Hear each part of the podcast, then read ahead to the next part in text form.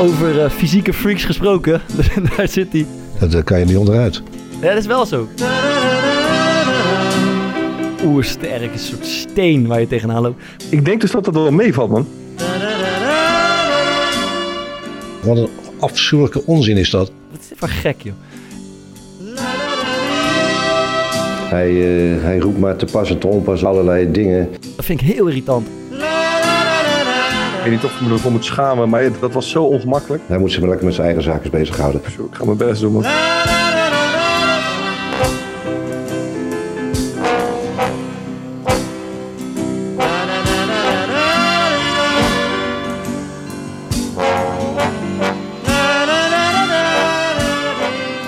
In de jeugd van Utrecht speelde ik ooit tegen de toen nog onbekende Romelu Lukaku. En terwijl ik mij vastklampte aan zijn linkerbeen, een teamgenoot aan zijn rechterbeen hing en weer een ander op zijn rug sprong, dribbelde Lukaku ongestoord verder. Als dit het fysieke niveau is van het profvoetbal, dacht ik, dan is er nog een lange weg te gaan. Gelukkig, Lukaku bleek een uitzondering, een fysieke freak.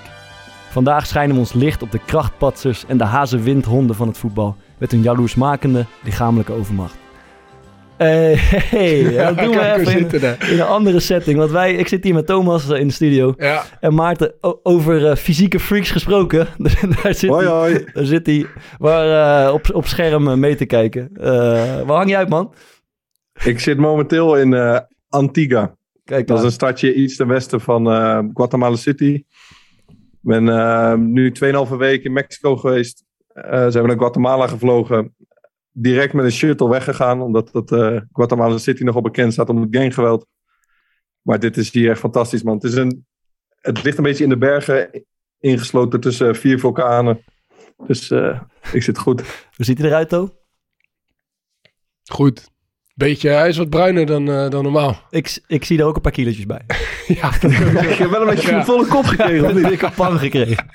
ik, we hadden een paar mensen ontmoet op het, eh, op het strand in, in Mexico. En Lisa wilde per se een groepsfoto. Dus dat was de eerste keer dat ik mezelf weer zonder shirt zag. Ja, En dat je niet echt zelf de goede hoek kan maken, zoals voor de spiegel. Ja. was wel even schrikken. oké, oké. ik zag hem gisteren ook gewoon op Lisa de Instagram met een eh, biertje zitten. Ik ook. Ik, ik- heb dat nog nooit gezien. Nee. Dat is- Zou dat een Ja, aanleiding zijn van het verhaal over die kratjes? Die, die, eh, Ja, Ik ben helemaal plat gespamd. dat ik een gierige hond ben en dat ik wel op wereldreis kan. Maar maar één kratje voor mijn vrienden haal. Dat ik me moet doodschamen. Dat dit niet kan en dat niet. Maar het is terecht toch, Maarten? Ja, wel. Ja, ik ga het niet nog een keer uitleggen. Maar het is, het is terecht. nee, is terecht. Maar ik was dus vorige week, toen gaf Laura, eh, eh, de vriendin van Bart, eh, die vierde de verjaardag. En die deed het gewoon in de kroeg. Dus heb je, dat is weer makkelijk. Maar, Ja, maar die hebben echt veel geld. toen waren Bart- rijke vriend. hè? maar toen bedacht ik me, heb je, ben je wel eens op een feestje geweest, maar van Bart? Dat Bart een feestje heeft gegeven. Ja, ja. Jij, jij, jij was er zelf niet, maar Maarten Ja, oh ja, ja, maar die heb je niet Nee, zelf nee, dat was een surprise party, toch? Dat was een verrassing. Nee, ik hou niet van, maar eh, ja, was een surprise party, ja. Nee, ik vier, eh, als ik het zelf moet organiseren, doe ik, mm, ja, ik ga, ik ga het eten met een paar vrienden, meestal. Maar jullie zijn, jullie zijn er nooit bij geweest. nee, dat, ja, ik weet het. Ja, ik hou Maar-. Je, hebt nog nooit Hoezo doe je dat niet? ja, ik hou er niet van, man. Ik, weet- ik, ik weet niet. Echt nog nooit gewoon. Jawel, ge- vroeger wel, toen ik eh, 18 was, 20 was. Maar op een gegeven moment... Hoe ging eh, ja, gewoon prima, man. Dat was Oké. gezellig. Maar wel gewoon genoeg bier in huis, als je dat Ja, ja, vraagt. Ja, ja. Jij dan? Nou ja, ik geef, eh, ja, ik gaf wel regelmatig feestjes. Vind je het ook leuk om te doen? Eh, ja. Oké. Ja, vond ik wel leuk. Met oud en nieuw een paar keer gedaan en zo. En eh, met verjaardag. Hou, meestal vul ik dan de badkuip en hou ik daar eh, het bier koud. Dat is, een, dat is een tip voor de volgende keer. Hè? Kan ik in dat mini-groot steentje doen dan? Ja, Bij de wc. Maar eh, even kijken, een belangrijke vraag. Want we, we hebben je natuurlijk ook een beetje op een opdracht, eh, op een boodschap gestuurd. Eh, op je reis. Want je moest ook, iets komen, ook iets komen leveren. Eh, ja, je, wat is, je bent drie weken onderweg. Is er al iets, eh Twee, iets wat je ons kan tonen? Tweeënhalve Ja. week. Ehm, nou, ik heb er eentje gevonden. Maar ik moet zeggen dat Bob Dylan doet het niet zo eh, heel goed hier. Hij slaat niet aan. Eh, nee, maar ik heb een, eh, een muzikant gevonden die ehm, zelf vertelde dat hij een muzikaal oor had. Ja. Dus die heb ik het laten horen en die heeft het eh, toen gespeeld in een restaurant.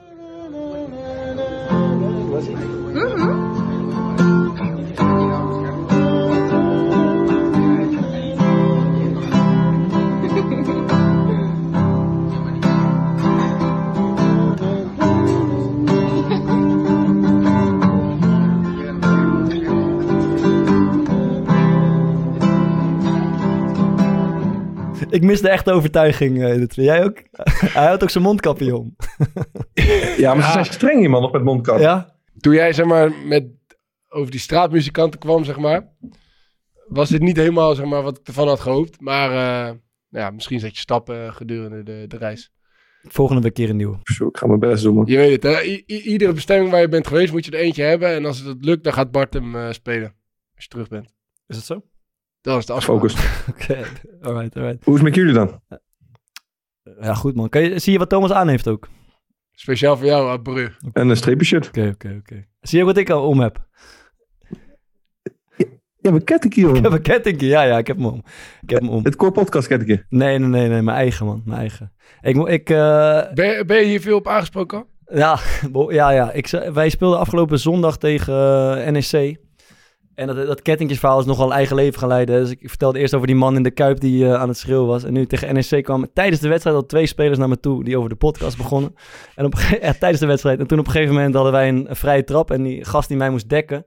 eh, ik was zeg maar gefocust op de bal. En ik zag hem zo, echt tien seconden lang zag ik hem zo naar mij kijken. Maar dan naar mijn eh, nek en mijn schouder en mijn borst zo. 10 seconden. En, en ik kijk op een gegeven moment aan en ik denk, wat is dit voor gek, joh. En toen eh, vroeg hij na 10 seconden van, eh, hè, heb je hem om vandaag? Wie eh, was dit? Dit was Cas Odentaal, centrale verdediger. Ja. Dus, dus speciaal voor Cas Odentaal heb ik vandaag mijn kettingje omgehangen. Maar, maar het, het, het gaat dus zelfs ja, tot op het veld door. Dus jullie worden nog steeds bedankt voor dat. Ja, mooi man. Maar Sterk, man. ja, jij nog wat kwijt? Jullie nog wat kwijt? Nee, op, op zich niet. Ik. Nou, ik- ik had eh, één ding waar ik me, ja, ik weet niet of ik me ervoor moet schamen, maar het- dat was zo ongemakkelijk. Ja. Eh, in Mexico heb je allemaal cenotes, dat zijn een soort waterbronnen. Ja. Eh, en dan heb je er eentje, dat is echt zo'n Instagram cenote. Dat hebben ze dan een platformpje in het midden en in het dak zit een, een gat en daar schijnt dan de zon door. Dus je kan super mooie foto's maken. Eh, en Lisa wilde daar natuurlijk naartoe. Ja, Maar dan maak je een foto en dan ziet hij, ze heeft op de Instagram staan. Het, als ik zelf een hartstikke mooie foto. Maar het ziet er dan echt uit alsof je een soort van eh, hele geheime grot hebt gevonden waar niemand staat. Maar daar staat dan gewoon een rij van 50 man met een reddingsvest aan tot zijn heup in het water. Foto's te maken van zijn vriendin. En jij stond ook Iedereen is doodongelukkig.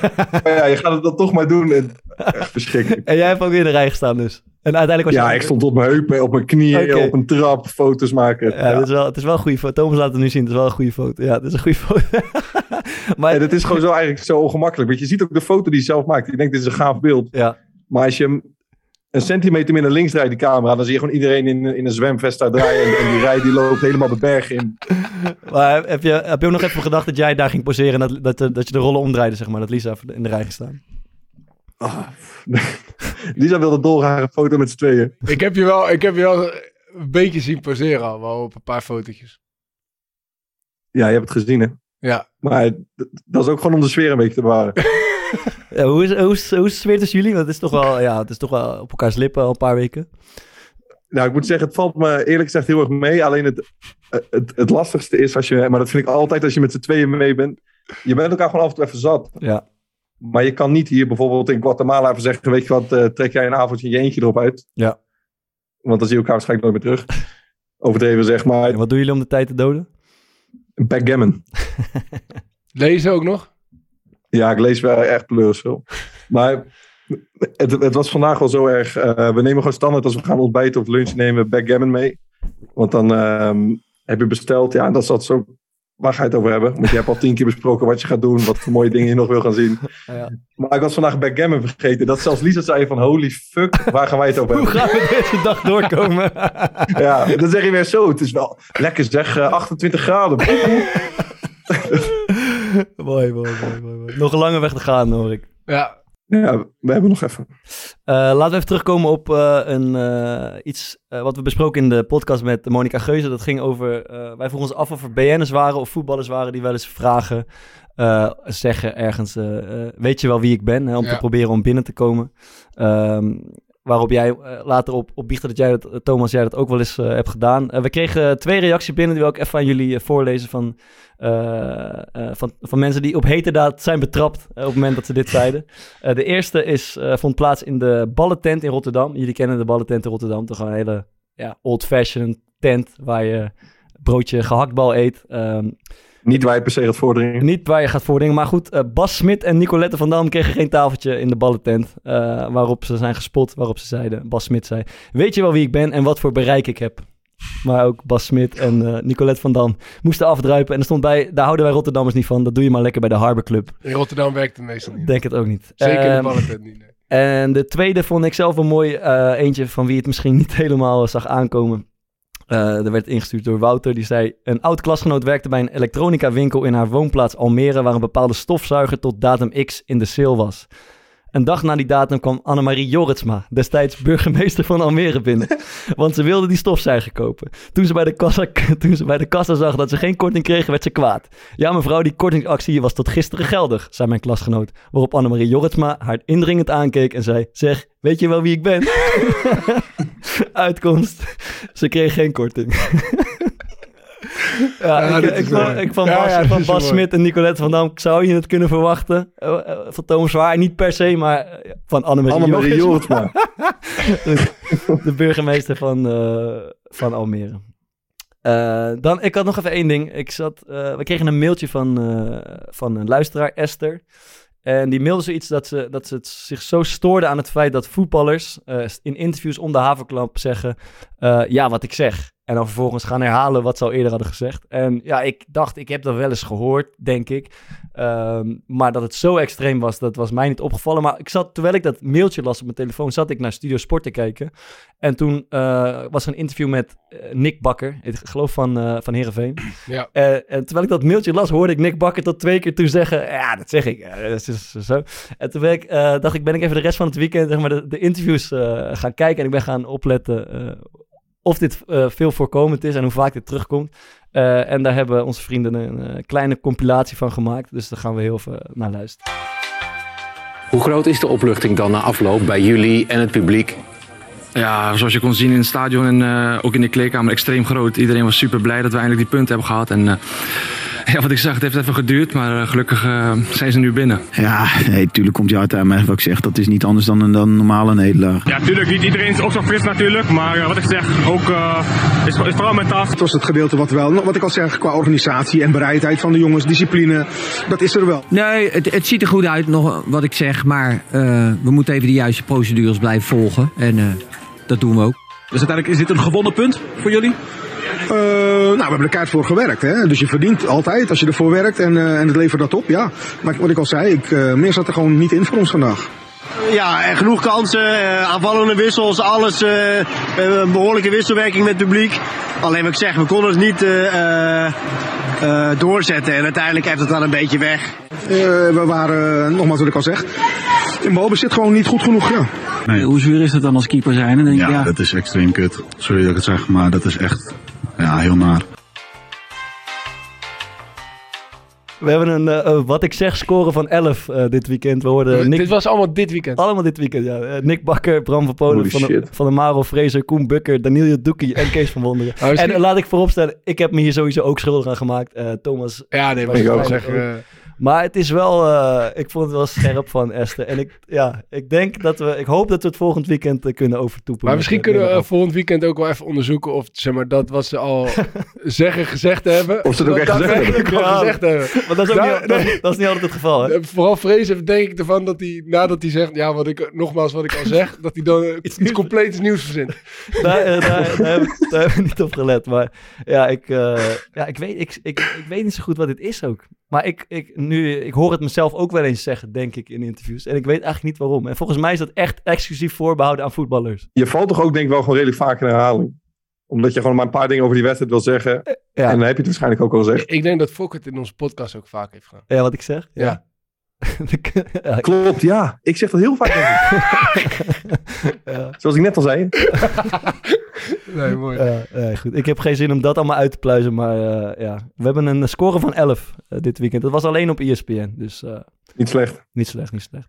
Alright. Ehm, ja, we gaan, we gaan het vandaag hebben over eh, eh, krachtpatsers, snelheidsduivels, fysieke freaks. Eh schoot me een beetje te binnen toen ik afgelopen weekend eh, tegen NEC speelde. Na een minuutje of 70 Wilfried Boni langs de zijlijn zich aan het klaarstomen was om in te vallen. Eh, die is gelukkig inmiddels al op leeftijd, dus die beweegt niet zo makkelijk meer. Maar als je er tegenaan loopt, is het toch heel wat. Ja? Ja, Denk je dat het ook al als hij aan het warmlopen is? Nee, ja, je weet, weet natuurlijk al dat hij bij de selectie zit. Dus hij gaat sowieso invallen. Ehm, eh, ja, ik lees natuurlijk ook de verhalen dat hij al een paar jaar niet gespeeld heeft. Maar goed, als je zijn postuur ziet van dichtbij... Ja. en je, telt daar, eh, je trekt daar vijf jaar van af of zes jaar van af... dat hij nog fit en bewegelijk was. Ja, dat is, dat is Ja, natuurlijk echt gewoon bij Manchester City. vreselijk eh, kaliber, ja. Natuurlijk huishouden. Maar is hij beter nu op dit moment of slechter dan Pogba? Welke Pogba? Ja, waarmee wij, Matthias, waarmee wij hebben gespeeld. Dit was ook zo'n beer van een gozer. Ja. ja, dat is goed. Daar moest ik ook gelijk aan denken. Maar ja, deze is, deze Ja? is beter. Ja, wat denk jij? Wat Ja, jij? ik kan me niet voorstellen dat het slechter is eigenlijk. Ik heb ze zelden zo groot en breed gezien als eh, Matthias Pogba, waar wij mee speelden. Maar ja, ik, dacht, ik heb vaker gedacht, had hij maar de helft van de finesse van zijn jongere broertje. dat hield niet over, hè. Laten, we, laten we eerst even wat van die Ja, eigen De traptechniek was het allermooiste. Ja. Ja. hij raakte de bal altijd half. En dat, en dat, dus dat, dus dat zo'n stijgende, Ja. dat is zo'n stijgende bal die, zeg maar, die nooit snelheid ontwikkelde. Zo, met zo'n terugspin, weet je wel. kan je niet maken. Ja, ja ik, ik, ik herinner dat van de, van de allereerste training. Dat, dat, het was wel een imposante gast. Dat was echt een imposante gast. Ja. Maar ja, we hebben het niet alleen over zeg maar, powerhouses en fysieke eh, monsters. Waar, waar denken jullie nog meer aan? Snelheid op de eerste meter. Ja. En verder? Springen. We- we- Wendbaarheid, ja, dat eh, valt een beetje samen met snelheid op de eerste meters. Maar als je kort kan draaien en, eh, en, daarin snel bent, dan eh, Ja. dan heb je ook wel voordeel. Springen, zijn er mensen die daar echt in uitblinken? Ronaldo uiteraard. Ja, Ronaldo. En... Ja, dan weet jij beter, want jij speelt kopduels alleen maar. Ja, maar Bart, heb je nooit gehad als, eh als centrale verdediger dat je dan tegen een spits staat? Eh, dat de keeper gewoon veel lange ballen speelt. En Ja. dat de spits die een beetje vanuit de zijkant komt aanlopen Ja, om die bal te verlengen. Eh, Brian Linsen eh, is, daar, Linssen, is daar heel precies. goed in. Eh, eh, Kai Sierhuis is daar best goed in. Ah, die, dat zijn ook, het zijn van die, die, die doen ook van die handigheidjes, weet je wel. Als ze weten dat ze een stuk kleiner zijn, eh, op het moment dat, er, dat vind ik heel irritant. Als op het moment dat ik als verdediger in de lucht spring om die bal weg te koppen, dan breng je ze even uit balans. Want in de lucht ben je, ben je weerloos. En, en dat is best wel succesvol. Ehm, ja, dus dat zijn ook van die handigheidjes eigenlijk. Maar, maar Brian Linsen kan, kan goed timen en hoog springen. Maar mijn broertje Wessel, die, eh, die, is, die is wat langer, maar die kan ook heel goed, die kan heel goed koppen. Ja. Die, die eh, zegt dat, dat hij dat heeft geleerd van Patrick Pauwen. De Patrick Pauwen... eh, Wat, hoe gaat het dan? hij zei, ja, je moet gewoon als eerste springen. Dat, eh, Ja, dat is wel zo. En dan eh, Patrick Pauwen raakte namelijk de bal altijd, zeg maar, terwijl hij alweer onderweg was naar beneden. Ja, ja, ja precies. Maar dus het is dus- echt zo. dus helemaal niet op zijn hoogste punt, maar hij was altijd alweer onderweg naar beneden en dan ja. kopte hem. Maar eh, serieus, ga dat maar eens trainen. Of probeer op de training. Als je een fractie eerder springt dan je tegenstander. Dan weer altijd komt hij wel. Nou, dan, eh, voor mijn gevoel is de kans groter dat je hem, dat je hem, eh, dat je hem wint. het die is mij nog nooit gelukt in ieder geval. Maar Maar goed. eh, laten we eerst even een paar van die, eh, van die krachtpatsers eh, uitlichten. Eh, als medespeler die we hebben gehad en als, als tegenstander misschien. Ja, ik zei al, Lukaku, dat was echt verschrikkelijk vroeger. Eh, Thomas, wij hebben met Fred Friday gespeeld. ja, Nou, eh, beter, volgens mij betere fysieke voorwaarden kan je bijna niet, eh, kan je bijna niet hebben als speler. nee. Maar, maar bijvoorbeeld ook eh, Robert Muren. Wat is er met... Wat, Wij, wij, wij hadden toen zeg maar die data altijd tot Ja. bijgehouden. Ja. En hij had volgens mij altijd bijna twee keer zoveel zeg maar, acceleraties dan, dan, de, dan, Oh ja? dan degene die op, op nummer twee Bij staat. jou? Zeg maar. Ja, dan ik sowieso. ik denk wel wat meer dan twee keer zoveel. Ja. Maar hij, hij sprintte gewoon bizar veel. Ja, ja, ja, ja, dat is me echt nooit En hij versnelde heel veel op een of andere manier. Ja. Maar dat, dat zou je nooit zien, zeg maar. Als je, eh, als je gewoon met blote ogen ernaar kijkt. Maar dat zagen we zeg maar, pas toen, toen, die, eh, toen het werd gemeten. Ik heb dat ook met uh, Apjaroui. Is ook zo'n... Ja. die is gewoon... Is gewoon Oersterk. Oersterk. Een soort steen waar je tegenaan Ja. loopt. Wat ik heel mooi vind is eh, Moussa Dembele. Van, eh, die bij Tottenham Hotspur speelde. Eh, ook een oermens. Maar niet per se waar je het echt aan afziet, volgens mij. Maar wat ik heel mooi vind bij... eh, eh, rondom mij, hij is gestopt een paar weken geleden. En als je spelers in Nederland wel eens hoort praten over ex-teamgenoten... dan zeggen ze al, lichten ze allemaal Moussa Dembele uit als de beste met wie ze hebben gespeeld. En toen stopte hij een paar weken geleden met voetballen. En toen had Tottenham Hotspur een soort video online gezet op Twitter van, oud, van een, een oude video. Waarin ze gewoon Spurs-spelers, echt grote spelers, vroegen. Wie was eigenlijk de beste teamgenoot met wie je hebt gespeeld? En Spurs, daar hebben, daar hebben Ja. serieuze spelers gespeeld. En vrijwel iedereen zei Moussa Dembele. Maar bij Spurs was hij echt niet normaal, man. Nee, maar dat- gegeven hij is toch nooit echt ehm, voor het grote publiek de absolute sterspeler Jawel, geweest van de. Premier League? Ik Van- weet niet of dat zo is. Zeker, zeker. die, die tijd bij Spurs echt zeker. Denk, Hij en was vind je dat zo hij de waardering heeft gekregen die, die, zeg maar, die teamgenoten hem geven? Ja, ja, nou, een periode wel. Op een gegeven moment verdween hij een beetje ineens. Dus ik was hem, ik was hem ineens Hij is ook veel geblesseerd geweest. Ja, dat is het misschien Ja, wel ja. waarschijnlijk. Maar hij was, hij was daarvoor was hij echt zo fucking goed. Joh. Ja, dat is niet normaal. goed. Maar eh, want er, st- er zat ook een video bij van een, een compilatie. Dat is echt verschrikkelijk Ja. dat je ziet eh, hoe hij aan het Hij heeft toch in Nederland ook een keer zo'n krankzinnig goal gemaakt. Ja, een, Ja, soort met dri- eindeloze Volgens dribbel. mij met Willem 2. Ja. Of tegen Willem 2. Ja, ja. Met AZ, denk ik. Tegen Willem 2 was het. Ja, ik vind dat, dat zeg maar, het gemak waarmee hij uh, middenveld zo van zich afschudt. Ja, en dat is zet ziek. kont erin, ah, schouder erin, arm erin. En het ziet er ook niet wild uit of zo. Het is zo elegant. Ik vind Al- het altijd mooi buiten zien. het bereik, zeg maar. Ja. Dat is echt, echt, eh, echt geweldig. Ja. Maar, maar wij, hebben, het- wij hebben ook met Royston Drenthe gespeeld. Ja. Qua wendbaarheid vond ik dat echt... En, en qua explosiviteit Mm. vond ik dat echt ziekste spelen dat Ja. ik heb gespeeld. Ja. ja, dat klopt. En dat was ook in zijn nadagen van zijn carrière Ja, nog. ja, ja. Kun je nagaan wat het was. Dacht je af en toe, eh, nou, ik vooral natuurlijk, maar dacht je echt, oh, je tering man, dat is echt, dit is echt gewoon een ander level. Ja. Ja, daar ben ik mee eens, ja. En Denzel Dumfries heeft dat natuurlijk ook in zekere zin. Omdat er had altijd, als je tegen hem aanliep, in een positiespel, in een rondo, in een partij, had je, als je altijd pijn ergens. Ja, dat is, dat is zo, dat is zo gekomen op een gegeven moment. Huh? In het begin niet, maar op een gegeven moment wel, ja. Ja, ik kwam natuurlijk op een gegeven moment dat hij, al redelijk toen, goed was. Toen had hij het al, ja. ja. ja, toen had maar gewoon alles dat is bezig en hard en, en krachtig. En, eh, ja. Ja. dat was echt pijnlijk ook voor mij. Want, want zeg maar, we werden het jaar daarvoor kampioen en, en eh trainden we bij, bij Hans Kroon en zo. En, eh, nou, we waren wel binky. Maar op een gegeven moment zie je zeg maar, zo'n jongen, maar ook Rick van Drongelen. Eh, wa- waar ik, ik was 28, 29 zo, Ja. waar, waar mijn ontwikkeling zeg maar stopt, Ja, gaat hij precies. van hun nog twee keer zo hard door. Ja, er dus op een gegeven moment dan merk je gewoon van, tering, dit is gewoon niet meer bij te houden. En je bedoelt Deze- je fysieke ontwikkeling. ja, fysiek, ja. Ja, ja, ja, ja. de- want, want ik kwam van de amateurs natuurlijk Ja. en, en ik maakte ook best wel harde ontwikkeling Ja. daarin. Maar zij waren 18 of Ja. 19, weet Ja, je wel. ja. Dus dat ging echt, echt als, als het tierenleer. Dus Ja. die waren gewoon niet meer, eh, niet meer bij te houden. dat Maar is ook- ontwikkelden zij zich ook sneller dan andere spelers van die leeftijd? Ja, zeker, zeker. Maar dat komt waarschijnlijk ook omdat ze dat koppelden aan, eh, aan voetbalkwaliteiten. Dus ik denk ook als je wedstrijden speelt, dat je dan eh, dat je daar meer inhoud door krijgt. En dat combineert met die krachttraining, dat dat wel hielp. Maar zij hebben gewoon, eh, vooral Denzel, die, ja, die, die heeft gewoon de gave om overal aan te pikken. En, Ja. eh, en Dat is ook een, geven. een- vorm van talent waar we het niet zo vaak over hebben. Zeg maar de potentie die jouw lichaam heeft. De potentie eh, wat je Mm. lichamelijk eh, eruit kan halen. En dat is misschien bij sommige spelers veel beperkter dan bij andere spelers. Die, bij Denzel lijkt dat wel eindeloos. Maar ik heb wel eens gehoord dat hij, zeg maar, toen hij een contract tekende, eh, medisch gekeurd werd. En Ja. ik, kan, ik weet niet zeker of het waar is, Ja. maar dat, dat, dat verhaal heb ik dus wel eens gehoord. Dat ze toen, zeg maar, zo'n eh zo'n medische keuring hebben gedaan. Ja. Eh, en dat ze erachter kwamen dat hij echt een krankzinnig grote longinhoud had. En dat ze eigenlijk op basis daarvan Ja. dachten van ja, eh, dat zijn wel de fysieke voorwaarden Ja, die je moet hebben om, om echt een moderne, goede rechtsback te worden. Ja, ja, ja. En, en daarnaast is het mentaal natuurlijk ook nog wel, eh, vrij goed. En wat, wat, wat die, wa- hij, hij kwam echt zomaar als rechtsback. Hij was eigenlijk centrale verdediger. Hij werd zomaar in één keer rechtsback gezet. Ja.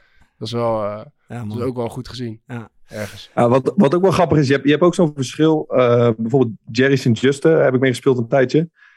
En dat is niet een hele brede gozer of zo. Meer zo'n zo'n pezige gast. Maar die kreeg je echt in... eh, eh, hij was sowieso fucking snel. Kon bizar springen.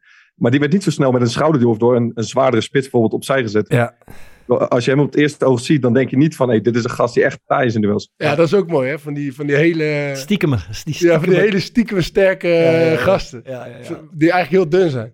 Ja, ja, ja. ja. Ja, Ik moet gelijk aan Arnold Kruiswijk denken. Ik probeer er ook in te brengen. Ja, ja, was hij heel sterk. ik ook zo'n zo'n sliert, weet je wel. Ah, die heeft wel gewoon eh, jarenlang centraal in de Ja, verdediging ja, zeker, ja, zeker, ja, zeker. ja pingetje Morten Torsby ook hoor. Ja, Ja, Ja, hij hele is- P ook. Ja, het is wel traag, maar uh, Pezer en fucking sterk in duels ook. ja en zo'n, hij heeft weer zo'n, eh, gewoon een loopwonder toch ook? Een soort eindeloos Ja, longinhoud. Ja. Wa- wa- wa- wat denken jullie dat van, zeg maar, al die fysieke aspecten? wa- Wat is nou eigenlijk de grootste voorspeller Goeie voor, vraag. eh, eh, voor, voor talent, zeg maar, of voor, eh, voor een Voor succesvolle kwaliteit, carrière? ja, ja. goede vraag, goede vraag. Ah. Ik denk sowieso dat het met snelheid te maken heeft. Ja, een soort... eh, dus niet per se met, met, met duelkracht of Ja. zo. Of, eh, wa- wa- wa- want ik denk dat, zeg maar, op, je kan net, net zo lang trainen wat je wil. Ja. En Je kan heel sterk worden. Ja. Maar op een gegeven moment heeft dat volgens mij niet extreem veel invloed. Zeg maar, hoe, hoe sterk je bent, heeft Ja. op een gegeven moment niet extreem veel invloed meer op hoeveel duels je wint. Nee, Eh, of, of wat, wat, Ja. wat uiteindelijk aan kwaliteit je, je brengt. En dat fitheid... Ja, je wel- kunt denk ik meer compenseren met snelheid dan met kracht. Op een Ja. Ja, Ja, in, in- volgens mij in topsport, in topvoetbal, heb, moet je een soort eh, driftigheid in je bewegingen hebben. Dus een soort eh, explosiviteit. explosiviteit, makkelijk bewegen. Een soort, Een drift ermee wel, ja. eh, ja, jij zeker ook. Maar je moet een, eh, ja, toch, het moet een soort van gif Ja, in je beweging ja, hebben. Als je, je hebt ook Ja, spelers die, die best wel goed kunnen voetballen, maar die soort heel veel traagheid over zich heen hebben. Dan moet je wel heel goed zijn, wil je dan nog eh eh, uitblinken, denk ik. Eh, maar ik, ik ging even in mijn hoofd een opzomming maken, dat deden we net ook. En eh, misschien is de, de ongemakkelijke realiteit dat het heel veel jongens zijn met een donkere huidskleur. Die wij associëren met eh, de sterkste spelers en de snelste spelers. En de wendbaarste. Eh, Ik denk dus dat dat wel meevalt, man. nee, dat is, hoezo? We hebben net, toch net... tien namen genoemd. En hij komt met Arnold Ja, maar als je het... Oké, wacht. dat Even is de enige uitzondering. Ja, dat was de dunne. Nee, als je het over die hele wendbare snel op de eerste meter. eh, bijvoorbeeld Frenkie, Messi heb je daarbij. eh, dat is van die supersterke gasten, echt van die freaks. Kan je bijvoorbeeld ook Haaland zeggen. Ehm, Ronaldo is misschien wat meer aangetraind. Eh, spelers die super lang meegaan. Zlatan, Milner. Oké. Dus het is toch niet per se Ja, dat dus je ben daar... je wel een beetje aan cherrypicken natuurlijk. Ja, dat ben ik zeker. ja, de- en je hebt hem ook voorbereid, want je pakt even je telefoon. hij pakt even zijn telefoon erbij om het allemaal op te lezen. Ja, maar ik kon niet, ik wilde zo zeggen, ik kon niet alle- per se meer jongens van kleur bedenken. maar eh, ja, dat is toch, ja, je kan het ontkennen, maar volgens mij is het, is het heel vaak zo dat, eh, dat de meest krachtige, de meest explosieve spelers, eh, spelers zijn met een donkere huidskleur of met een Afrikaanse achtergrond. En ik, ja, ik, ik wou hem eigenlijk aan Maarten voorleggen, want jij hebt alle boeken van de wereld gelezen. Wat zou daar de verklaring, wat zou daar de verklaring voor zijn? Nou, ik heb even, eh, want ik weet dat Thomas sowieso door zou gaan vragen, een paar onderzoekjes erbij gepakt. Maar er is dus biologisch gezien he- helemaal qua genen niet een eh, echte verklaring voor. Nee. En er is één, één gast die daar sinds 2016 veel eh, onderzoek naar doet. Ik zal zijn naam even noemen, zodat Thomas het kan... eh, Is dat die Griek? nou, kijk, Jannis Pitsiladis. ja, we hebben hetzelfde stukje gelezen. Ja, we bereiden ons voor, hè, To, kom op. Ja. ja. En als ik het goed heb geïnterpreteerd, Bart, jij bent eh, echt een goede mediamanager, dus jij hebt het waarschijnlijk nog beter Bart is ook eh, Gaat het wetenschappelijk geschoold. Ja, zeg het maar. Ja, ja, ik niet. Maar het gaat veel meer om de omstandigheden waarin je ehm, opgroeit. Dus bijvoorbeeld veel Afrikaanse kinderen bewegen veel meer. Ja. Eh, zitten veel, veel, veel minder achter een televisie bijvoorbeeld. Of gewoon tijd op, op een gat.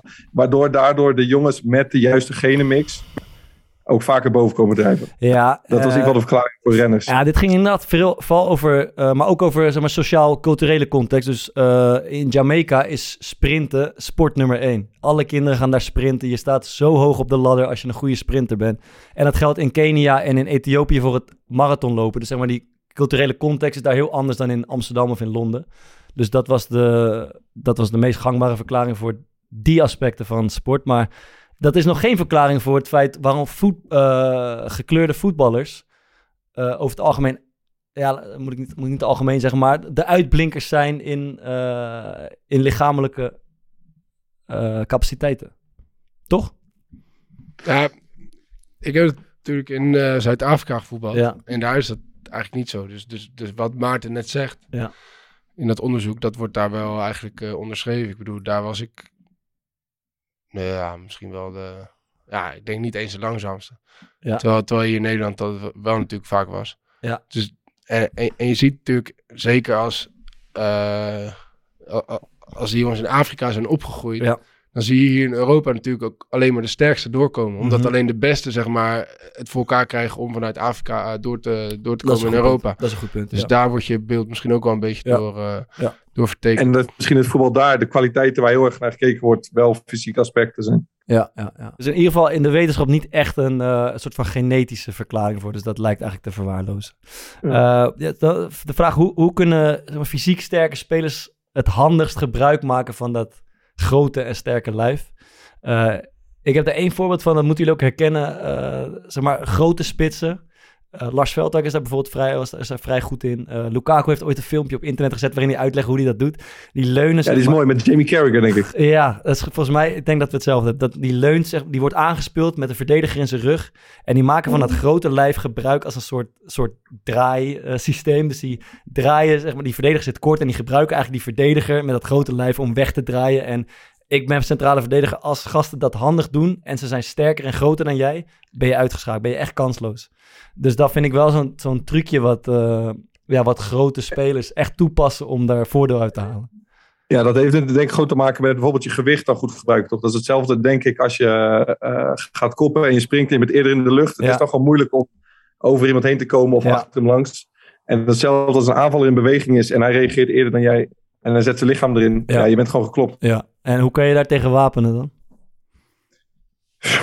Ja, dat, dat zou jij moeten weten. Want jij Ja, joh, niet hebben van je ik, weet, ik weet wel wat het eerste is eh, wat je altijd hoort op het moment dat zoiets gebeurt. Ja. Zeg maar. Wij hebben natuurlijk bij AFC ook eh Riley Ignacio. Die doet Ja. dat, die doet Ja, dat extreem. Goed voor, ja, tuurlijk. En eh, eh, eigenlijk altijd als hij zeg maar, gaat zoeken Ja. en, en hij- hij- het lukt hem zeg maar, om die verdediger te vinden en hij krijgt de bal en hij draait weg, dan Ja. hoor je altijd iedereen roepen, dat is juist wat hij wil. Hij wil jou gebruiken Ja, om te draaien. Maar dat is wel zo. Dus ja, dus, dus wat je denk ik moet doen is Ja. eh, naast hem gaan spelen en, en proberen ervoor te komen. Of proberen ervoor te komen, of eh, hem gewoon een beetje de, even de gelegenheid geven om de bal aan te nemen en laat hem dan open Ja, en dan, eh, opzoeken. Ja. Wij speelden met eh Go Ahead Eagles, Marnix Kolder, die was daar echt goed in. Die, wa die was heel goed in het gebruiken van het grote lijf. En we speelden tegen Ajax, tegen Joel Veldman. En Ajax speelt heel veel één op één, Ja. zeker als we de sterkere ploeg zijn. Dus wij dachten, nou, als we een kans hebben, dan is het Kolder over de grond aanspelen, want die is daar echt goed in. En Veldman is klein, die was anderhalf, twee koppen kleiner. En die heeft hem echt de hele wedstrijd eh, gewoon uitgeschakeld. Omdat Ja. hij dat zo handig, hij is wendbaar, hij deed het zo handig. Of hij kroop er even voor, of hij gaf hem even een klein tikkie, of hij stapte even naar achter. En dat is volgens mij vrijwel de enige manier als je het fysiek aflegt. Dan moet je het als verdediger van dat soort eh slimmigheidjes hebben. En ja, dat is denk ik de enige. Ja, ik weet nog bij, ehm bij Heerenveen speelde tegen PSV en toen liep Luc de Jong daar in de spits. En eh Jeroen Zoet stond op doel en zei, een van hun tactieken was gewoon soms iedereen aansluiten en speelde ze een lange bal op hem. Ja. Ehm, maar toen liet Timo Klompen dat zien, die beelden dat hij al super vroeg, Ja. terwijl een verdediger dan nog, want de bal was net onderweg en dan had hij blijkbaar ingeschat waar die bal ging vallen. Dus Ja. hij was heel vroeg al zo met zijn hand voor die verdediger. Ja, En dan die verdediger worstelen en doen en doen. Maar als hij iemand daar hangt, ja. dan kan je niks meer doen. Dus dat vond ik ook wel knap. Want hij, dat is geen hele snelle gozer, maar hij was dus wel heel snel met die actie zeg maar inzetten. Ja, ja, ja, ja. ja, dan maak je optimaal gebruik van je, van je fysieke voordeel, denk ik. Eh, ehm, is het wel eens intimiderend als, eh, als tegenstanders groot en taai? En, en- Nou, ik vond vroeger wel sowieso, man. Ja, Want bij Feyenoord had je heel van die internationale toernooien en had je een aantal clubs, bij Leverkusen, ja, Schalke, Auxerre, die waren er vaak. ja. Maar die, die hadden dan een paar gewoon gasten van wie naar achteraf hun paspoort niet helemaal bleek te kloppen. Want die stopten dan ook met ze 14 Ja. of 15 jaar. Ja, ja, ja. Maar ja. ja, dan was je eh, 12. En dan speelde je gewoon tegen twee volwassen mannen. Ja. Ja, en ik was een beetje een ielig ventje. Ik, eh, ik, ik was daar wel onder de indruk van. Ja, er, is, er was in Nederland, eh, natuurlijk ook in de jeugd, er waren altijd een, een paar clubs die hadden, toch was het vaak een Afrikaanse jongen in de spits die, die gewoon oppermachtig was. We hadden Christian Gandu. Gandu. Ja, maar dat is echt niet normaal, man. Die, die, ik speelde een, een team hoog. Hij speelde bij Utrecht in de jeugd. En ik speelde een team hoog. En we speelden vaak op hetzelfde moment. Eh, en eh, op Zoudenbalg, het jeugdcomplex van Utrecht, eh, had- hadden ze, konden ze gewoon een bandje instarten de hele tijd. Hoe vaak ik wel niet heb gehoord. eh, doelpunt FC Utrecht, nummer 9, Christian Gandu. Ik denk dat hij 120 goals heeft gemaakt in één seizoen. Want hij gewoon iedereen, alles en iedereen aan gort liep. Maar van die gasten heeft bijna niemand gehaald. Dat, dat is dus wel interessant. Want op, ja, hoe, hoe verklaar je dat dan? Want op een gegeven moment... nou ja, er- zijn toch gewoon best wel veel jongens. daar. Dat hebben we bij Feyenoord ook wel gezien. die dan serieus pas bijvoorbeeld twee jaar in Nederland waren. ja. En die hadden dan waarschijnlijk gewoon een vervalst geboortecertificaat. Ja. Of ze hadden helemaal geen een. Maar dit is, niet, dat is niet eens... Ja, precies. Maar dit, het is niet eens eh vervalst, maar misschien zijn ze gewoon nooit ergens geregistreerd. Dus niet Ja. per se met het doel Ja, om dat niet wist. jonger te ja, ja, dat weet je niet, ja. Maar goed, ga verder. Ja, ja, en dan ben je, weet ik veel, speel tegen 14-jarigen, terwijl je zelf misschien 17 bent. Mhm. Ja, moet je jezelf voorstellen dat je een, eh, een, een B-junior bent of een onder 17. Ja, is dat, is onder is 14. bizar. Ja, Je, ja, ja. je had vroeger ook, eh, ik kon, jij denkt ook Bart, dat je de, zeg maar, de D'tjes, de C'tjes, de B'tjes Ja. en de A'tjes, dat heb je nu niet meer. Nu, Ja. nu is het gewoon allemaal jaar. Ja. Jij hebt het ook gehad, denk ik misschien wel. Ja, ja, Ja, ja, zeker. Eh, maar je had bijvoorbeeld in, eh, in de C'tjes, Ja. ah, was het verschil tussen eerstejaars C en tweedejaars C echt krankzinnig. Ja. Ja. Gewoon, er zat bijna nooit zeg maar, een eerstejaars eh eh, al aan het hoogste team, Ja. omdat, eh, omdat die gewoon veel kleiner waren. Ja, ja, ja. Dus ja, dus, ja het, is wel, het is wel logisch dat, eh, dat, dat de verschillen dan groot kunnen zijn. ja. En dat het dan ook... Wa- wa- wanneer stopt dat fysieke voordeel? Ja, eh, ik denk ro- rond eh, volwassenwording, 18, 19 jaar. Ja, ik zou zeggen onder Ja, 19 ik denk ook zoiets. Want vaak zag je jongens dat ze dan in de D'tjes en de C'tjes dat het echt bizar was. Ja. En dan, En dan B in de of B de A werd het soms wat minder. Ja.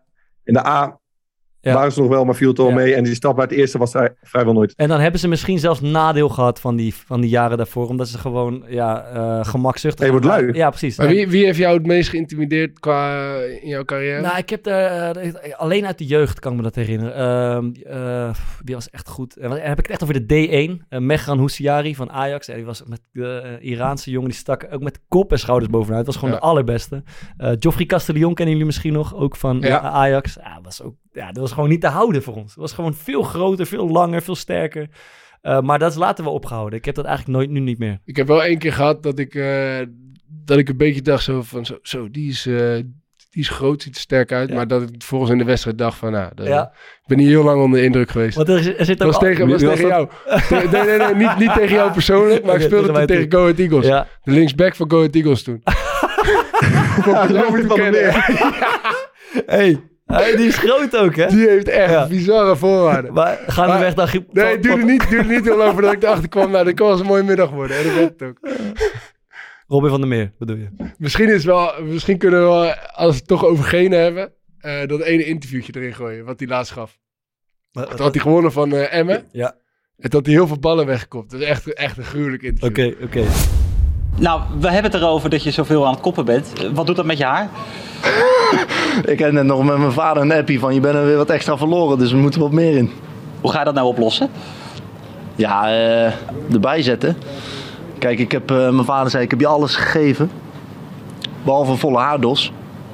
Dus eh, ik heb het bij hem neergelegd en gezegd van joh, ik vind jou ook wel voor de helft aansprakelijk. Zij zal waarschijnlijk nu lachend voor de tv zitten. Ja, het is Ja. dus wel enigszins genetisch bepaald. Ja, 100%. En dit helpt niet, Dit helpt niet, deze. nee. Dit helpt niet. Ook niet voor de hartslag hoor. Kun, kunnen jullie, eh, in voetbal heb je zo'n uitspraak dat je, je bent op sterk gezet. Hè? Ben je op sterk gezet? Kan je herinneren dat je, dat je eh, door een bepaalde speler vreselijk op sterk bent gezet de afgelopen jaren? Ik heb dat nog nooit gehoord, man. Op, nee, echt niet? Nee. Maarten, je Jawel, man.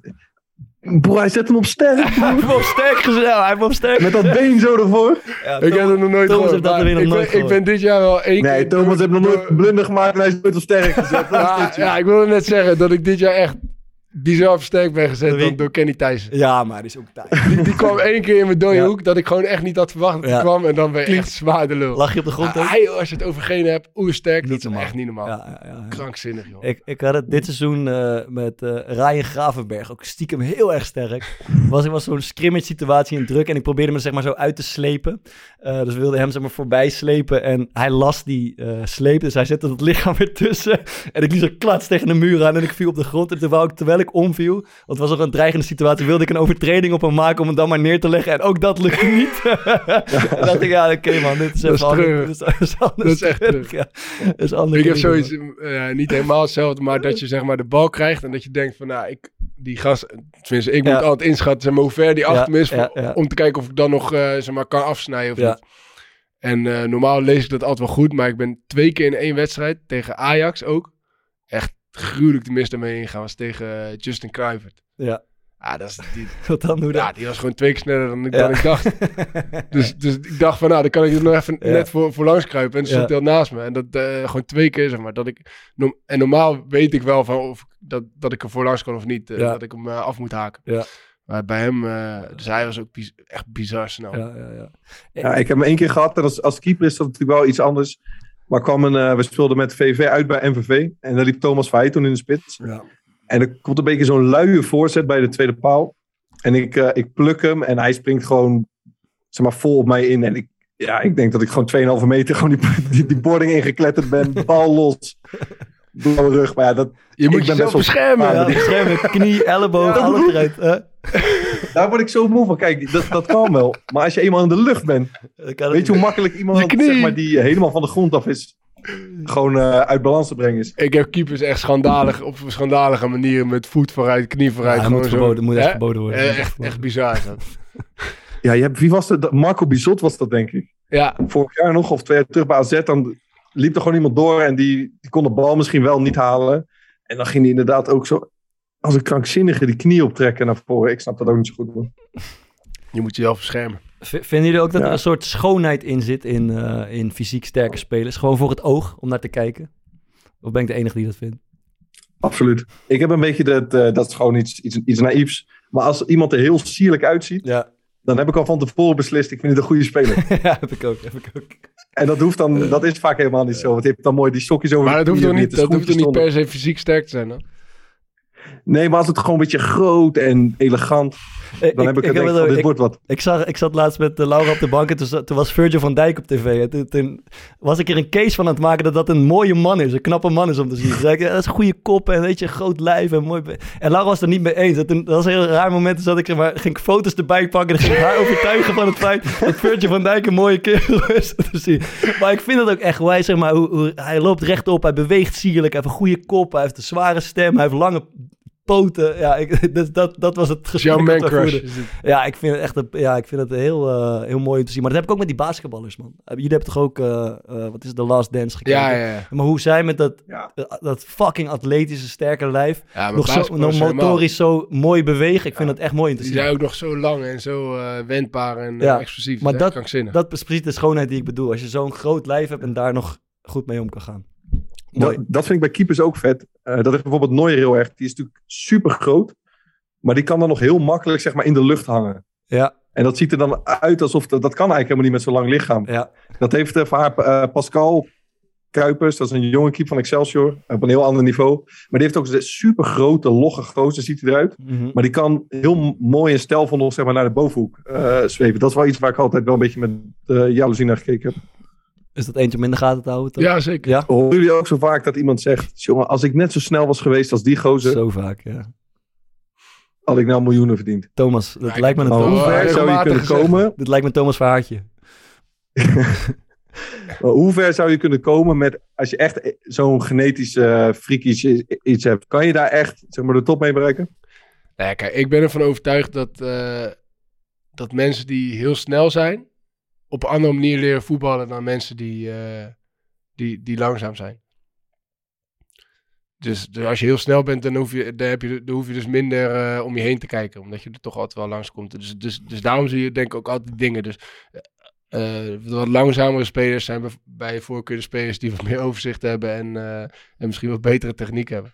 Dus ja, ik, ik, ik denk niet dat je dat... Uh, ik heb het ook wel eens gezegd hoor. Dat ik, dat ik, dat ik zei van ja, stel dat ik nou ook nog snel was geweest. Dan had ik wel een paar niveaus hoger gespeeld. Maar dan had, zo, je, was je, een andere, had je op een andere manier gevoetbald ook. Ja, 100%. Want ja. Ik, ik, weet zeg maar, uh, in mijn jaren in de derde klasse, ja. daar was ik snel. Ja, ja, ja. Ja, dat is geweldig. Dan kan je aan, de, aan, de, aan, de, aan beide kanten kan je er eens een keer langs. Ja. Nu eigenlijk alleen aan de binnenkant. Moet je altijd weer door. Ja. Moet je toch weer een weg naar ja, binnen over een hele zieke schijnbeweging. dat, het, dat het lukt maar dan moet hij echt omvallen. Dan moet hij ja, omvallen. Ja, dat, ja. Dat, dat, alleen met een kap, zeg maar. Als ik hem echt uitkap, dan kan ik aan de buitenkant. Maar daar kon ik gewoon uh, de bal van mij uitschieten en dan gewoon gaan rennen. Ja, ja, ja. Ik heb ook het idee dat veel van die hele snelle buitenspelers dan toch gaan proberen, zeg maar hele technische acties te maken. Of, uh, en dan hoor je een trainer weer roepen van... Nee, je moet doen waar je goed in bent. Ja, maar dat, ik zat er ook aan te denken. Het, het, lijkt in het, in het huidige voetbal, zeg maar, pure snelheid. Ik denk dat Anthony bijvoorbeeld echt veel sneller is dan de meeste van zijn tegenstanders. Uh, maar dat pure snelheid nauwelijks benut lijkt te worden. Want je zou, kunnen, je zou zeggen, als je veel sneller bent dan de meeste van je verdedigers... Gooi hem er langs. Dan heb je, gooi hem er langs, sprint er voorbij en ga richting de goal. Maar uh, wanneer, hoe vaak zie je dat nog? Nou, ik maar, bedoel, ik, maar tegenwoordig kom je toch ook door de manier van voetballen zorgen verdedigers toch ook dat ze veel minder in situaties ja, komen waar, waarin ze kwetsbaar zijn ja, om op snelheid echt ja. geklopt te worden. Ja, precies. Eigenlijk alleen in de omschakeling uh, speelt echt pure snelheid over een langere, langere afstand echt, echt een grote rol. En uh, anders niet. En dat is zelden, want dat, je hoort dat vaak hè, over Daily Blind, maar ook over uh, Breuer is dat natuurlijk vaak gezegd. Het zal zelfs over mij gezegd zijn. Uh, weet je, het, ze, ze, ze, bewegen niet makkelijk, ze zijn traag. Gooi hem er voorbij, je ja, sprint er voorbij. Maar wel vaker, nou, wanneer, zijn, wanneer wat, worden die wat gasten vaker zeiden? Wat?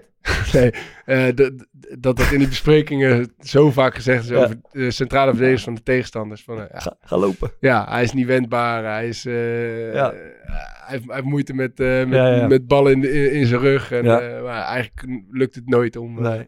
maar om, die, om die spelers ook daadwerkelijk in de rug te kloppen. Maar dat komt ter, gewoon omdat we heel goed zijn geworden in het, in het afschermen van de ruimte die gevaarlijker zijn om aan te sprinten, toch? Niet alleen die speler, die ene speler, maar gewoon als teamorganisatie. Ja. ja, dat denk ik ook. Maar was dat vroeger anders? De, Dennis, ja. Rennes Dommedaal, werd hij genoemd. Nou, bijvoorbeeld. Denk wel. Volgens mij waren vroeger sowieso de ruimtes zeg maar, uh, op het veld veel groter. Ja. En zelfs als je al uh, naar ja. bijvoorbeeld WK van 2010 kijkt, dan zie je al echt een krankzinnig groot verschil. Dus ik moest bijvoorbeeld laatst moest ik voor die, voor die toelating, Ja. voor, die, voor, die, voor die cursus, Ja. kreeg ik in één keer voor de vo- voetbalconditionele training gedeelte kreeg ik beelden van het WK van 2010. Ja. En dan zie je gewoon echt een fucking groot verschil. Ja. Ook in manier van dekken, zeg maar. Dus daar zonnedekking eh gebeurde eigenlijk niet echt. Ja. Vooral mandekking, maar ook gewoon de ruimtes tussen de laatste mensen op het veld en de voorste. Ja. Die waren veel groter. Dan dat het nu is. Ja, verder. dan het nu is, ja. Ja. Dus dan heb je veel meer aan snelheid. Omdat je in een, een- omdat je in een grotere ruimte één tegen één moet verdedigen. ja, ja, ja, ja. En nu zie je dat eigenlijk overal op het veld eh, gewoon echt veel rugdekking is. Hoe vaak kom je nog echt in één tegen één situaties? Nauwelijks. Bijna niet. Ja, omschakeling. Ja. Als, we een, als je een van- van deze superkrachten zou je kunnen zeggen, eh, zou willen hebben zelf als speler, wat zou dan zijn? Ja, voor mij is het niet zo moeilijk. Gewoon zou pure snelheid aan het Nee, nee, ja, vooral iets explosiever. Ja. Want uiteindelijk ben ik niet op, op lange afstand ben ik nog Mhm. wel oké. Ook niet echt de snelste, maar, Ja. maar niet de langzaamste. Ja. Maar in het eerste gedeelte wel. Ja. Dus qua explosiviteit. eh, Ja, kan ik, ook, kan ik ook wel een scheutje van gebruiken. Maar ik, ik ben altijd een beetje jaloers op, eh, eh, als je het over Denzel hebt, maar bijvoorbeeld uh, Jury de Kans bij ons heeft dat ook. Altijd tomeloze energie hebben voor alles. Dus, dus altijd maar kunnen stieren en rennen en energie hebben en ehm, eh, gas kunnen geven. Dat is ook een Ja. soort... En, en Morten heeft dat blijkbaar ook. Dat is ook een soort eh, kracht die Ja. ik zelf wel graag zou willen bezitten ook, ja. Maart? Ja, ik zou wel graag dat. eh ja, souplesse, we hebben dat niet echt benoemd. Maar ik heb altijd het idee gehad dat het de ene dag mijn lichaam echt goed aanvoelde. Ja, en dat ik dacht van tering, als ik nu één op één moet en ik moet in de split, dan gaat het makkelijk. En de dag daarna was het gewoon absoluut onmogelijk. Ja. Eh, dus ik zou wel gewoon, gewoon zo'n zo snel, soepel lichaam gehad willen hebben. Ja, eh, waren, e- waren deze dingen trainbaar geweest met terugwerkende kracht? Voor ons allemaal? voor mij niet. Ook niet een beetje? Voor mij, ik heb daar echt mijn best op gedaan. maar, Oké. maar voor- ja, het, het is wel trainbaar. Maar volgens mij win je er heel weinig mee. Oké, nou, dan hebben we, al- hebben we alles eruit geperst, jongens. hebben we alles eruit gehaald. Eh, zullen we afsluiten? Mooi. Aanraders van de week. Kom maar door, eh, Antigua. Ja, ik heb wel een eh, aantal boekjes gelezen al. Ik heb een hele dunne deze keer. Het is eigenlijk een kinderboek weer. De Kleine Prins heet het. Het gaat over een, eh, Mooi man, heb ik ook gelezen. Mooi man. een piloot die in een eh, woestijn Is dat Hector vliegtuig. eh, en die komt een Kleine Nee. Prins Nee, tegen. dat is eh, alleen op de wereld. Sorry? Hoe heet de schrijver? Saint-Michel Ja, Exupéry dat of durf ik dus niet te zeggen, man. Saint-Michel de Exupéry of zo. Moeilijke Ja. Ja. Eh, maar dat is een hartstikke mo- mooi boek. En het is eigenlijk een beetje een absurd gesprek de hele tijd tussen die piloot en de kleine prins.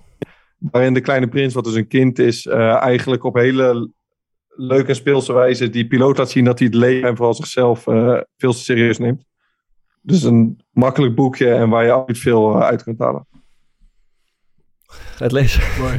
nou ja, mijn, ouders hebben heel lang op een school gewerkt. Die heette De Kleine Prins. Dus ik, ik had er al wel iets... eh, Ja, maar dan ga jij aan, aan Thomas van haar vragen of hij een boek gaat lezen. dat Uitgesloten. is natuurlijk wel een beetje eh, dat je het een bepaalde hoek in drukt dan. Nou, vraag zeg maar dan. Welke serie heb je eh, aan te raden? Ik heb een film. Filmpje. Eh, ik had eh, natuurlijk Mokkelmafia helemaal afgekeken. En eh, toen zag ik op, eh, op Netflix dat eh, de film Rabat eh, Ja. daar staat. En dat is met, eh, eh, met Marwan Kazari. Die zit niet in eh Mokkelmafia, maar eh Nasruddin Char en Ahmed Akabi. Die gaan met z'n drieën op reis vanuit Mhm. Amsterdam naar eh, eh, Rabat. Een beetje een, eh, road movie. En hij is, hij is super vet. Waar het niet dat het laatste gedeelte waarin ze in Marokko komen, eigenlijk, eigenlijk alleen nog maar Marokkaans gesproken wordt. En Netflix Oh ja. geen ondertiteling erbij heeft gedaan. Dus het eerste gedeelte van de film vond ik echt gruwelijk. Ja. En het tweede gedeelte heb ik vervolgens later nog een keer wel met ondertiteling teruggekeken via, via, een, eh, via een andere weg. Eh, maar was ook mooi. dus eh, ik zou Rabat aanraden en kijk hem dus niet via Netflix, maar Vind hem weg. vind hem weg. Alright. ehm, ik heb eh, Tussen Vis en Staal gekeken. Documentaire Ja, over, er is een documentaire over eh, Telstar. Daar zou ik normaal gesproken niet echt voor gaan zitten. Maar ik zag dat die een paar keer werd aangeraden. En eh, met recht. Want het is echt een, een mooie documentaire op de NPO. Het gaat over een... ja, Telstar is een beetje een noodlijdende club. Er is niet heel veel eer aan te behalen. Maar ze zetten dat in. Ze volgen die club in een seizoen. En ze zetten dat echt prachtig neer wat voor betekenis die club ook in die regio heeft. Maar parallel daaraan worden een aantal ver- persoonlijke verhalen en ambities van hoofdrolspelers eh, uitgelicht. Bijvoorbeeld van die beetje flamboyante voorzitter. Pieter de Waard. Pieter de Waard. Maar ook een prachtige rol voor eh Redouan El Yacoubi eh, Ja. van Excelsior. Eh, eh, en en eh, ik was erg onder de indruk van eh, eh, Andries, heet hij geloof ik, Andries Jonker, Ja. de trainer. Eh, en die verhalen lopen een beetje zo parallel aan de film en aan het verhaal van Telstar, waar Louis van Gaal ook nog één keer eh, training komt geven. Maar dat is echt, ik vond het echt een, eh, ik vond het echt een mooie documentaire eh, op, op NPO uitgezonden. Tussen vis en staal, als ik me niet vergis. Fokker dat een liedje. Pokoe van de Fokkert. Ja, we zaten op, op een gegeven moment op een eilandje in Mexico, Isla Obos. Echt een fantastisch eiland, eh, een restaurant en er was live muziek. Mhm. En die heb ik niet gevraagd naar Bob Dylan, sorry. Maar het was een familie en er was een ventje van, eh, ik denk een jaar of tien, die een beetje op een klein eh, Justin Bieber leek, eh, die ook meezong. En die zong het nummer El Pescador. En dat is nu eh, voor mij wel het- tot nu toe het nummer van de vakantie. Toto la Mompasina. We moeten nog even aanstippen. eh, door deze logistieke eh, ingewikkelde weg gaan we eens proberen om eens in de twee weken de komende tijd op te nemen. Dus volgende week zullen we er hoogstwaarschijnlijk eh, niet zijn. Eh, Maar dan eh, ga je eens wat anders luisteren. Maarten, wat zeg je dan? Tabé. Tabé. Va subiendo la corriente con chinchorro y atarraya, la canoa de bareque para llegar a la playa. Va subiendo la corriente con chinchorro y atarraya, la canoa de bareque para llegar a la playa. Habla con la luna, habla con la playa, no tiene fortuna,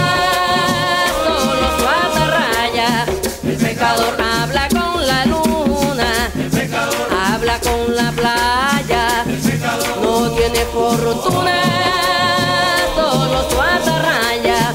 El pecador habla con la luz.